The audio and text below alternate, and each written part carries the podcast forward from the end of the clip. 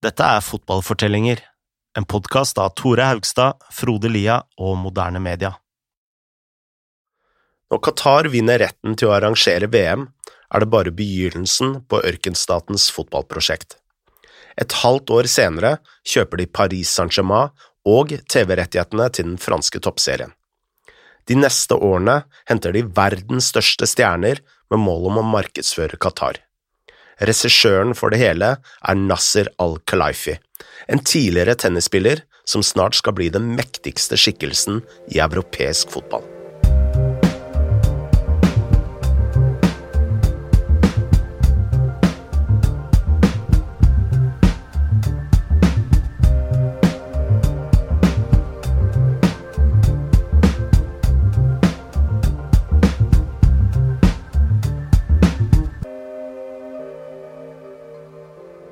Da Qatar fikk VM, møttes uh, som kjent emiren av Qatar, Michel Platini, Nicolas Sarkozy og én representant for hovedeieren av PSG.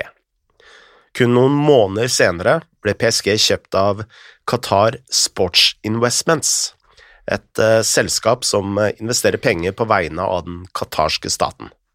Så etablerte Al Jazeera en ny TV-kanal kalt Be In Sports, som skulle kjøpe internasjonale sportsrettigheter. De kjøpte rettighetene til League A sammen med Kanal Pluss, og denne avtalen var en økning på 607 millioner euro per år fra den forrige. Dette var penger som de franske klubbene trengte sårt, for Ligue A var jo den fattigste av de fem store ligaene i Europa, altså sammenlignet med Premier League, La Liga, Bundesliga og Serie A. Dette var klubber som måtte selge spillere for å kunne holde hodet over vannet. Men med én avtale da, så hadde Qatar ikke bare redda PSG, men fransk fotball som helhet. Og bare for å gjøre krystallklart, Qatar Sports Investments er den qatarske staten. Og det ble grunnlagt av Tamin bin Hamad al-Tahini, mannen som ble Qatars nye emir to år etter kjøpet av PSG. Mm, så, og, så, så, så, Qatar hadde i praksis redda fransk fotball? Absolutt. Og uh, kan jo bare legge til at uh, Al-Tahini er uh, emir i dag også. Ja. Om vi tar et par steg tilbake her, så var jo denne avtalen ganske uvanlig. Innen 2011 var det jo ikke noe nytt med utenlandske investorer i fotball, men de fleste rikingene hadde jo vært eh, interessert i de store ligaene, og da spesielt England. I Premier League hadde vi jo allerede Roman Abramovic, Stan Kronke, Glazer-familien, Abu Dhabi og Fenway Sports Group, for å nevne noen. Og greit nok, i Bundesliga var det åpenbart vanskeligere av 50 pluss 1-regelen, men i Italia skulle investorene komme de neste årene, og La Liga skulle få stadig flere eiere fra Asia. Fransk fotball har aldri vært like attraktivt. Nei, eh, det var som sagt ligaen med minst inntekt blant de fem store i Europa, noe som åpenbart begrenser lønnsomheten for utenlandske eiere. og vi, vet jo hvor viktig det er, spesielt for de amerikanske eierne i England, å håve inn penger eh, fra disse enorme TV-rettighetene. Så var det jo heller ingen noen sånn gyllen historikk i Frankrike. Altså, Ingen franske lag hadde vunnet Champions League eller da serievinnercupen siden Marseille i 1993, eh, og det var jo med den eksentriske og kontroversielle eieren Bernard Tapier. Og eh, for de som har hørt på vår sesong om Berlusconis Milan, så husker vi jo hvilke skitne metoder han drev med på den tida.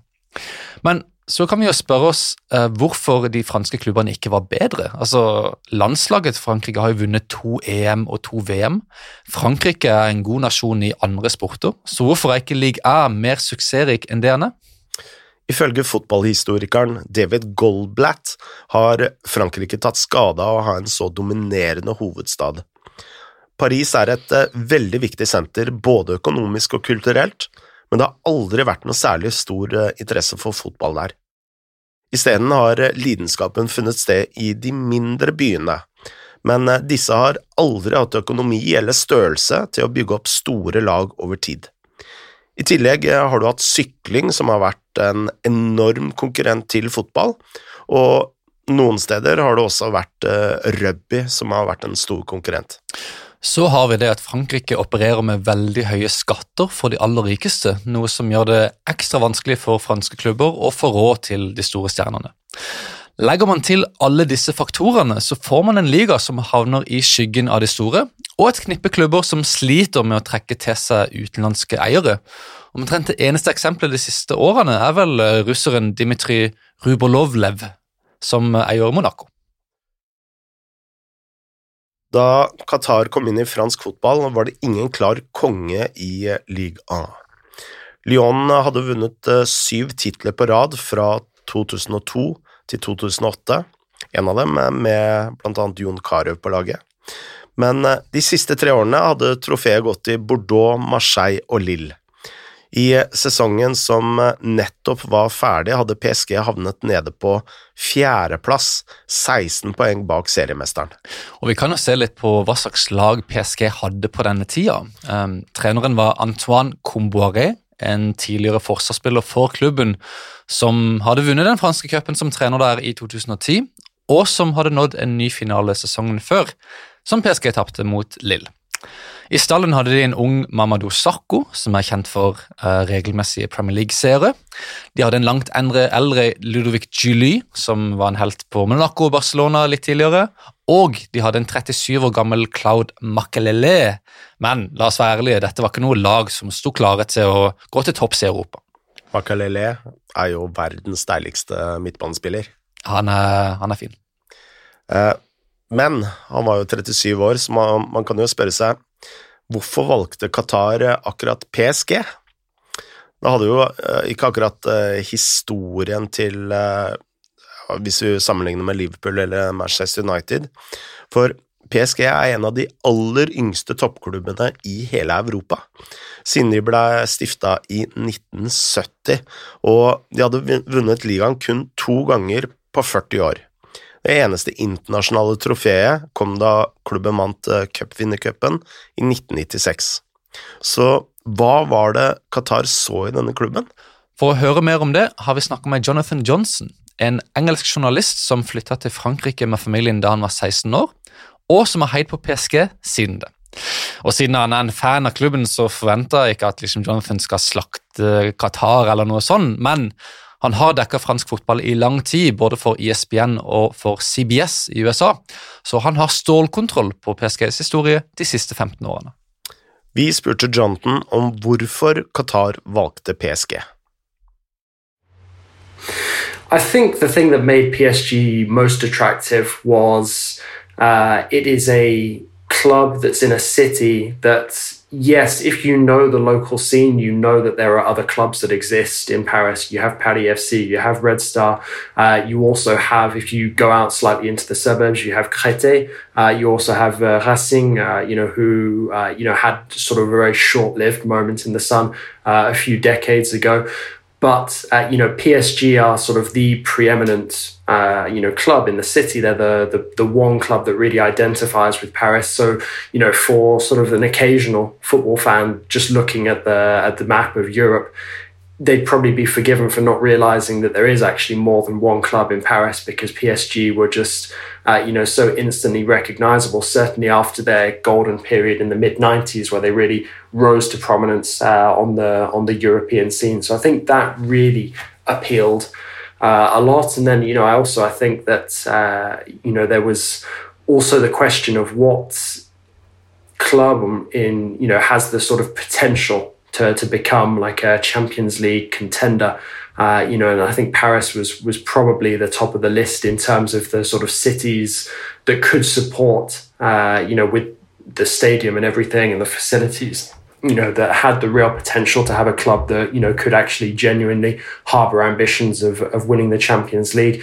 You know, because Qatar could have gone for a club like a Newcastle. Uh, you know, but to turn them into a sort of almost guaranteed uh, you know, year in year out Champions League finalist in such a competitive league as the as the Premier League was, uh, you know, a lot less of a guarantee uh, than taking over PSG and, and sort of making them the dominant force in uh, in Ligue 1 because, like I said, there there wasn't really an obvious team to beat uh, in France at the time that the Qataris arrived at PSG, so they could establish themselves as the dominant domestic force within a couple of years, which is what they did.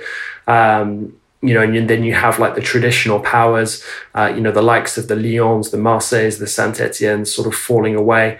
Uh, and then, you know, only have sort of occasional um, challenges from the likes of Monaco, uh, you know, for the, for the league title. Ok, så Qatar kjøper PSG. De har et OK lag og en klubb med stort potensial. Men hvem skal da ha ansvaret for å bruke alle disse pengene? Hvem er det som skal bygge opp PSG som merkevare og et PR-verktøy for Qatar? Altså, hvem er det som skal ha regien her? Hvem er det som skal ha kunnskapen til å liksom investere og forvalte disse pengene på en god måte? Det måtte jo nesten være en som for det første hadde peiling på sport, eh, for det andre som kunne idrettspolitikk, men eh, for det tredje som også forsto hva Qatar ønska. Åpenbart var ikke dette noen lett mann å finne, men Qatar hadde nettopp en sånn person i Nasser Al-Khelaifi. I dag er jo Al-Khalaifi blitt eh, PSGs ansikt utad. Det er eh, han som er president, og det er han som sitter ved siden av Lionel Messi og de andre stjernene når de signerer kontrakter, som spiller til pressen og forklarer hvordan PSG på sin egen helt spesielle måte klarer å følge kravene til Financial Fair Play. Men i 2011 var det ingen som visste noe om Al-Khalaifi. Omtrent det eneste vi kunne, var at han hadde vært profesjonell tennisspiller. Ja, han var proff fra 1992 til 2002 og ble på sitt beste nummer 995 på verdensrankinga. Men historien om Al-Khalaifi handler om mye mer enn tennis. Altså, dette er ikke en fyr som ble født inn i kongefamilien og som bare ble tildelt viktige politiske roller. Han her vokste opp i en familie som var fiskere, rett og slett. Ikke noe mer enn det. Eh, og det er en historie om han da Al-Khalifi var fem år og han var ute med faren på sjøen eh, og fiska. Eh, og plutselig så dreiv et tau inn i båtmotoren og stoppa hele båten. Uh, de hadde ikke noen måte å komme seg inn på land på, de bare dreiv rundt i, på vannet i tre dager. De hadde ikke noe ferskvann å drikke, de hadde ikke noe mat. Og Al-Khalifi var overbevist om at han aldri kom til å komme hjem. Men så seilte en båt forbi og redda de, og da de kom hjem, så hadde mora vært så overbevist om at de kom til å dø, at hun gikk rundt i svart for å sørge over dødsfallene. Familien eh, bodde i Doha, og tilfeldigvis lå huset like ved det eneste tenniskomplekset i hele Qatar.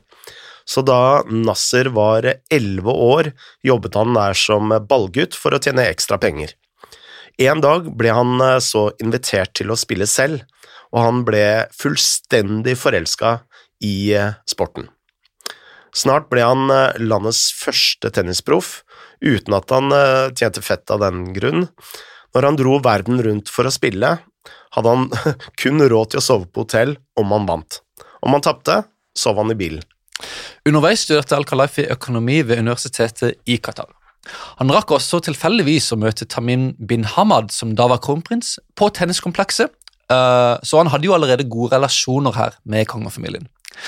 I 2003, like etter at han hadde lagt opp som tennisspiller, begynte han å jobbe i Al Jazeera, hvor han fikk ansvar for å kjøpe sportsrettigheter. Fem år senere fikk han flere nye roller. Han ble forfremma til general manager i Al Jazeera Sport, han ble president for Qatarsk tennisforbund, og han ble styreformann for Qatar Sports Investments. Innen 2011 var han altså president i PSG, styreformann i Bean Sport og sjef i Qatar Sports Investments. Slik kunne han koordinere PSG sportslige prosjekt, investeringen i rettigheter via Bean Sport og Qatars investeringer generelt. Dette gjorde ham eh, til en veldig mektig mann, men han hadde en jobb å gjøre. PSGs stall trengte nytt blod, og utenfor banen hadde klubben store problemer. Yeah, I mean, PSG were in a really interesting situation when the when the owners came in because they were in the middle of cleaning up their act. Um, basically, there's sort of there were two sets of ultras um, at PSG's Parc des Princes. You had the Auteuil and you had the Boulogne uh, and both of them have drastically different ideals.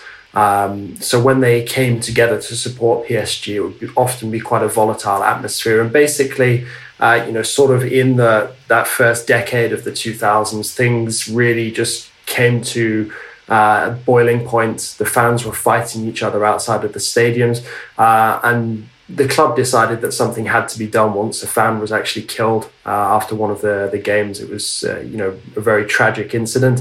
Uh, and that led to all season tickets at Parc des Princes um, being invalidated. Uh, and basically, uh, Parc des Princes ridding itself of all, uh, you know, regular presences.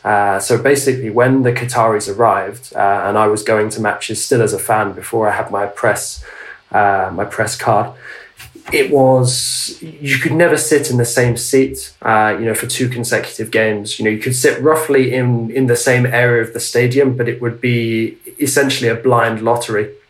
You you could still get tickets at fairly decent prices but there were no uh, season tickets available for the first couple of years under Qatari ownership. Uh, and that was really a necessity, and it made the previous regime at PSG very, very unpopular but it's something that really had to be done to cleanse the atmosphere because it became a place where you wouldn't really want to go, uh, certainly not with your family. You know, you look at what PSG and Parc des Princes is on a match day these days, uh, you know, it's very, very glamorous. There's a lot of VIP people there. Uh, you know, families can go. Uh, you know, it's it's a very children friendly environment, whereas that was not the case at all around, uh, you know, sort of 2009, 10, 11 when uh, the Qataris arrived in Paris. So it's uh, you know it's a club that's gone through a lot, certainly in terms of the the, the fan base uh, and sort of ridding itself of you know some very unsavory elements. and I think as well, you know, something else that contributed towards it was that PSG were sort of a perennial. Uh, I wouldn't say underdog. Yeah, they were perennial underachievers. You know, a PSG even before the Qataris arrived had won quite a lot domestically, considering that they hadn't been around uh, since before 1970. But also at the same time, uh, you know, they they they didn't have many Ligue 1 titles to their name, and I think a lot of people were a lot of fans were, were frustrated that PSG were often more of a mid-table side than a team actually challenging for the title, uh, and that all created this very uh, you know unsavory uh, atmosphere around the around the club, around the stadium. And once the Qataris came in, you know that was sort of the moment where the club, uh, you know, really sort of cleaned up its act and became somewhere that was more accessible for people to go and watch football uh, and, and feel like they were in a safer environment. Så hva gjorde Al-Khalafi helt i starten? Vel, han beholdt treneren Combaré. Han henta inn Leonardo som direktør. Uh, og Leonardo han hadde jo spilt for PSG i 96-97-sesongen som wing og spiss, før han dro til Milan, hvor han var både spiller, trener og direktør. Så ja, dette var en fyr med mye erfaring og kunnskap om italiensk fotball. Og selvfølgelig da så begynte jo PSG å hente mange spillere fra Italia de første årene, og spesielt den første sommeren. Blant de var Javier Pastore fra Palermo, Tiago Motta fra Inter, Mohammed Sissoko fra Juventus og Jeremy Menes fra Roma. Dette var jo litt av et spetakkel i Frankrike, og mye av det som skjedde i starten, både den sommeren og de neste to årene, vakte enormt med interesse. Vi spurte Jonathan om hvordan fransk fotball, altså pressen, fansen og den generelle publikum, reagerte på Qatars inntog i PSG. Yeah, I mean, obviously there was a lot of intrigue surrounding the Qataris, surrounding Al Khalifi, and you know there was a period where people were sorting, sort of starting to, uh, you know, figure him and, and and the Qataris out a bit. You know, they were delving into his history, looking at the fact that he was a former tennis player for Qatar, that sort of stuff. Uh, you know, looking at the way that uh, they were starting to, you know, set themselves up both as a club uh, and also in terms of, uh, you know, the the sort of organization of being uh, you know, on the television side of things as well. So, you know, there was um, a lot of curiosity uh, and obviously, you know, no shortage of, of, of scandal as well because, uh, you know, Sarkozy, who played a role uh, in the Qataris' arrival uh, in Paris, is he's a figure who's never far from the headlines in France. I, I, I like to say, you know, having spent so much of my life here, that Sarkozy is a guy that the French love to hate. Uh, you know, they whenever they talk about him, it's it's almost always negatively. Yet they can't they can't help themselves but but talk about him. So obviously there was that uh, you know political link, uh, and then you know the the links with uh, Platini as well. uh, and his role in uh, in the Qataris coming in and also uh, you know uh, winning the the rights for the for the World Cup in Qatar as well. So you know there was a lot of a lot of curiosity about it, and then obviously there was the excitement of the initial you know splashes of money. Leonardo coming back to the club as sporting director. you know PSG. Uh, going out and bringing in talents like uh, Javier Pastore. You know, they went on a big raid of, of Serie A talent. Uh, and then, you know, obviously it didn't all go to plan in the first season. Uh, you know, PSG were playing in the Europa League, got dumped out in the group stages, uh, and they got beaten to the league 1 title by Montpellier. Carlo Ancelotti came in midway through the season. That was an unpopular move at the time, given the way that Antoine Kombouaré, who was a famous former player of the club, um, was kicked out. Uh, you know, so there was a period really of, of, of sort of bedding in and teething problems, and it was at the moment when PSG signed Zlatan Ibrahimovic and Thiago Silva in the summer of 2012. That's when things really started to gain traction. Suddenly, uh, you know, people in France, uh, you know, sort of woke up and started taking the project much more seriously because they saw that PSG had finally sort of made that breakthrough in bringing in, uh, you know, star names from other leagues, and obviously Serie A was always going to be a league that PSG looked to because of Leonardo's history, uh, you know, but it was also a moment where people, you know, sort of took a step back and started looking at things and and, and saw that you know Ligue 1, because of the arrival of the of the Qataris, was starting to to make up a lot of ground on previously well established leagues like Serie A. PSG tok altså sin første ligatittel under det nye i 2013. Siden har de henta ja, helt vanvittige spillere for en formue. Ikke bare Zlatan og Thiago Silva, men Cavani, Verratti, Mbappé, Neymar, Messi osv. Siden det har de vunnet ligaen seks ganger.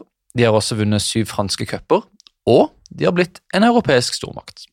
Sånn i etterkant kan det jo virke som en slags gradvis prosess, hvor PSG har blitt eh, bedre og fått enda et par flere stjerner hvert eneste år. Men Johnton Jonathan fortalte oss at eh, PSG ble klubben den er i dag takket være én spesiell signering. Ja, for uh, vi spurte jo han hvilket kjøp som han følte hadde gjort mest for å forvandle PSG, og jeg var sikker på at han skulle si Neymar, siden han var så dyr, og siden Al-Klafi liksom med ham viste verden at han kunne hente en spiller rett fra Barcelona. Men Jonathan han ga oss et helt annet navn. Zlatan. Absolutely, absolutely no doubt about it. I mean, the, th- the thing is, without the work that PSG did with Zlatan in the team, none of that would have been possible, I don't think. Uh, you know, it's, it's hard to underestimate just how important Ibrahimovic was at that time uh, to PSG because he made them a dominant force uh, domestically. You know, teams couldn't touch PSG domestically in the time that the likes of him uh, and Thiago Silva were, were at the club. You know, that, that, that squad that PSG had assembled at that time, uh, you know, it really was an absolute authority. You know, we're not just talking about Zlatan uh, and Thiago Silva. We've got the likes of Thiago Motta, Blaise Matuidi, Maxwell, uh, you know, guys who were really, really, really consistent over the period of, uh, you know, the best part of five years. Uh, and it's that dominance that really enabled the PSG project to, to speed up and then get to this point where by 2017 they were able to you know to, to turn their attentions to Barcelona and bring Neymar in, turn their attentions to, to Monaco and, and bring in uh, Kylian Mbappe from the team that had just beaten them to the Ligue 1 title. So as much as I'd say that you know obviously the big names like Messi, like Neymar, uh, like Mbappe, they, they were huge for PSG. None of that would have been possible, uh, you know, without that period of sustained domestic success which happened uh, on Zlatan's watch. Uh, you know, I think he was a perfect match for PSG in many ways because, uh, you know, he had the the sort of attitude that many Parisians have. Really, you know, he mirrored the city uh, a lot. Uh, you know, that riled some people. Some people absolutely loved it. But the one thing that you could never dispute, uh, you know, was that, uh, you know, when PSG went out onto the pitch with, with Zlatan in the team, they were going to be very, very difficult to beat. Um, and you know, the only time that they really you know came in for criticism was when they fell short in Europe. På slutten her er jo Johnton inne på noe vi kan uh, si er et sportslig ankepunkt mot uh, PSG, altså at de ikke har vunnet uh, Champions League. De kom til finalen i 2020, og det er det nærmeste de har vært. Ja, men så kan man jo spørre seg hvor mye sportslig suksess har å si. Altså, selvfølgelig er det viktig, vi er jo en fotballklubb vi snakker om her, men hele poenget med Qatars oppkjøp av PSG er jo å sette selve staten i et positivt lys. Og det føres videre til ting som sponsoravtaler, PR og ikke minst hva PSG har begynt å representere som klubb. Og her har Al-Khalifi gjort alt han kan for å fremstille PSG som glamorøs, kul og sjenerøs. I mean, another thing that, that Al Halafi has has really made an effort with, uh, you know, and I think it's one of the things that people will speak most positively about PSG on these days is that there was a big push uh, you know, for the PSG Foundation to play a lot bigger role uh, in the local community. Uh, you know, they do a lot now, whether it's with regards to to children. Uh, you know, they've got the, the, the women's team as well. Uh, you know, they they do a lot of sort of uh, you know charity events. Uh, you know, they even have like a school for underprivileged children uh, that was set up. That's called the Red and Blue School uh, in, in in Paris. So it's it, you know that's definitely something that's really come on a lot with with PSG, and you know obviously as well the, the the, sort of hospitality kind of the show business aspect of uh, of PSG. You know PSG back then, you know you couldn't even convince PSG's celebrity fans to go and watch the matches. And then a few you fast forward by you know sort of five years or so and you've got guys like leonardo dicaprio genuine hollywood a-listers uh, you know, sitting in uh, the, the Parc des Princes uh, tribunes watching PSG play. So, you know, it really has been a complete uh, changing of image. Obviously, uh, you know, not just sort of uh, speaking figuratively, figuratively, but literally as well. You know, they they changed the badge of the club, you know, to sort of maximize the, you know, the the the projection of the word Paris uh, at the top and sort of minimize the, the Saint Germain aspect of it. Uh, you know, sort of going further than that, developing the training facilities at the club has actually pushed um, PSG from Saint Germain into nearby Poissy uh, in order to get their new uh, sparkling state of the art facility that'll open in a couple of years' time uh, off the ground. So you know, there's definitely been a lot of work done, uh, sort of over the over the first decade or so by the by the Qataris to turn PSG really into a into a destination, whether that's for players, whether that's for fans, whether that's for uh, celebrities. You know, they they're making you know Paris the the place to be and the you know the thing to be seen with because you've got the the likes of the Jordan uh, kit. Um, collaboration as well, where you know you see pretty much you you know you could name sort of the top ten players in the NBA, and the majority of them have probably worn a Jordan uh, garment sporting PSG's name uh, on it somewhere at some point in the last couple of years. You know that is uh, you know that that's really testament to the fact that PSG are now not just a football club. Uh, you know they've they've changed into something much more than that. You know, it's a it's a brand. Obviously, there's the the, the major lifestyle aspect of it. Uh, you know, but it's uh, it, it's a world away from you know the PSG that uh, I returned to to Paris to cover back in 2011. En del av denne nye glamouren har åpenbart kommet via stjernene. Mens Al-Khalifi har brukt dem til å bygge opp PSGs merkevare, har han samtidig fått dem til å rette oppmerksomheten mot Qatar. PSG har vært på såkalte vinterturneer til eh, Doha, sånn at eh, Neymar og Mbappe kan eh, fotograferes, for eksempel mens de spiller fotball på en flytende fotballbane like ved byen. PSG skal tilbake til Doha i januar 2022, og hva skal de gjøre der? Vel, vi kan jo lese opp denne paragrafen fra avisa The Peninsula, som kaller seg selv for Qatars dagsavis. Den har skrevet, og legg merke til hvor mange sånne, hvor mange sånne elementer av hele Qatar-prosjektet de klarer å inkludere her. Det sier This trip will also be an opportunity for the team to meet local supporters and participate in activations with its partners, both Qatari and global partners with presence in the country, to create memorable experiences. Events shall include using some of the brand new 2022 World Cup facilities. Players will also visit the Paris Saint Germain Academy in Doha, which operates year round on the pitches of the Qatar Foundation.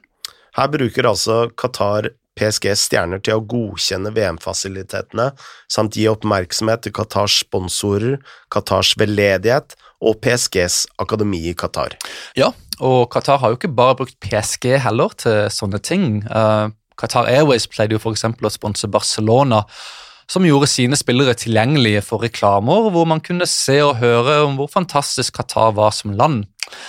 Samme flyselskap har sponsa og sponser fortsatt Bayern München, som har hatt en rekke treningsleirer i Qatar. og Dette er jo et enormt uh, kontroversielt uh, tema blant uh, Bayern sine fans.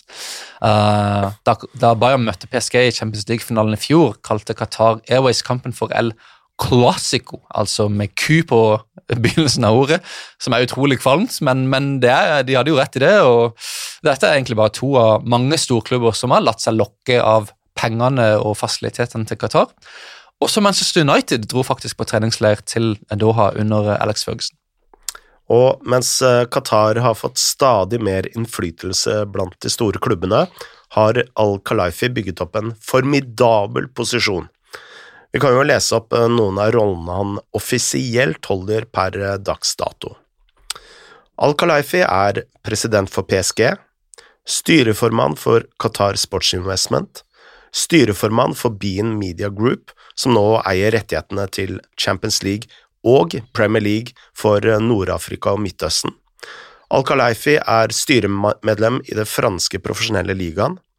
Han er visepresident for Asias tennisforbund, president for Qatars tennisforbund, president for Qatars squashforbund, president for Qatars badmintonforbund, medlem av organiseringskomiteen for VM for klubblag, medlem av Uefas Executive Committee, styreformann for ECA, altså organisasjonen som representerer mer enn 240 klubber i Europa, og sist, men ikke minst, på uoffisielt eh, vis, eh, kan man eh, si, Alexander Sefrins bestevenn i kampen mot superklubbene.